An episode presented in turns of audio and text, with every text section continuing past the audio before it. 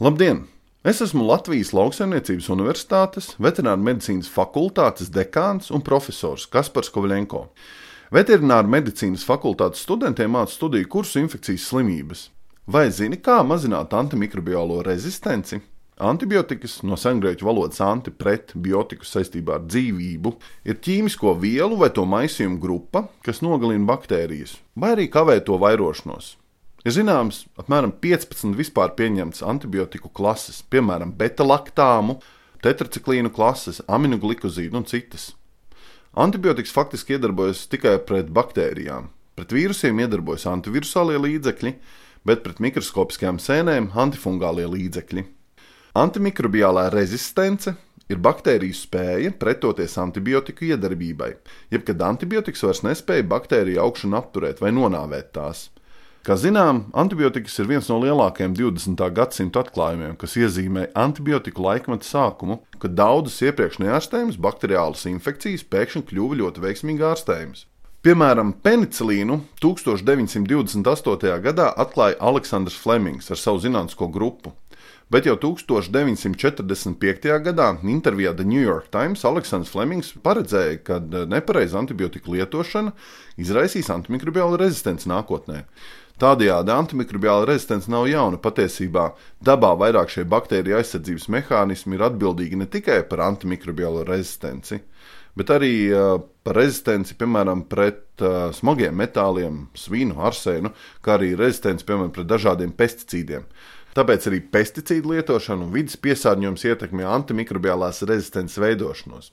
Lielāko daļu mums zināmo antibiotiku atklāja vai izgudroja līdz 1970. gadam, jo šo mehānismu, ko mēs ar antibiotikām baktērijām varam ietekmēt, lai to, piemēram, vairošanos vai augšanu apturētu, nav neierobežoti daudz.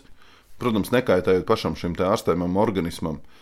Antibiotikas tiek lietotas gan cilvēkiem, gan dzīvniekiem ļoti plaši. Ne tikai ārstēšanai, bet šur tur pasaulē, piemēram, arī dzīvnieku dzīvesvaru pieauguma paaugstināšanai. Bet Eiropā šāda praksa ir aizliegta jau sen. Diemžēl pašlaik nav labāku ārstēšanas līdzekļu bakteriālu infekciju ārstēšanai kā antibiotikas, bet baktērijas arvien vairāk adaptējas, un mūsdienās mēs novērojam baktēriju multirezistenci, kad eh, slimību izraisošās baktērijas ir rezistents pret vairākām antibiotiku grupām bet dažkārt rezistents novēro pret visām mums zināmajām antibiotiku grupām. Un šādos gadījumos bakteriālu infekciju slimību ārstēšana vairs nav iespējama.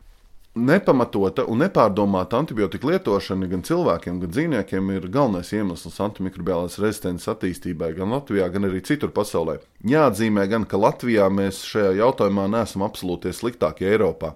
Pēc vairākiem parametriem esam pat daudz labāk kā lielākā daļa, piemēram, Dienvidēropas vai Rietumē Eiropas. Bet kopēji rīkojoties, mēs tiešām varam šo antimikrobiālo rezistenci jautājumu būtiski uzlabot. Jo mūsu šodien pieņemtie lēmumi ietekmēs mūsu bērnu, mazbērnu nākotni, jo viņiem būs jādzīvo vidē, kādu mēs to viņiem izveidosim.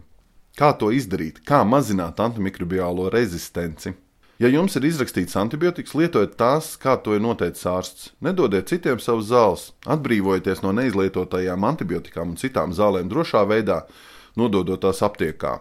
Visi šie paši noteikumi attiecās arī uz dzīvnieku ārstēšanu un eh, šajā procesā izmantotajiem medikamentiem. Atcerieties, baktērijas vairojas ļoti ātri un pielāgojas arī ļoti ātri. Jau desmit dienu laikā vairākām šīm slimību izraisošajām baktērijām var izveidoties pat ap 600 paudzēm.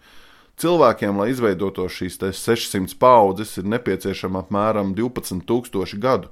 Cilvēki pēdējo 10,000 gadu laikā ir ieguvuši spēju šķelt laktozi ilgāk.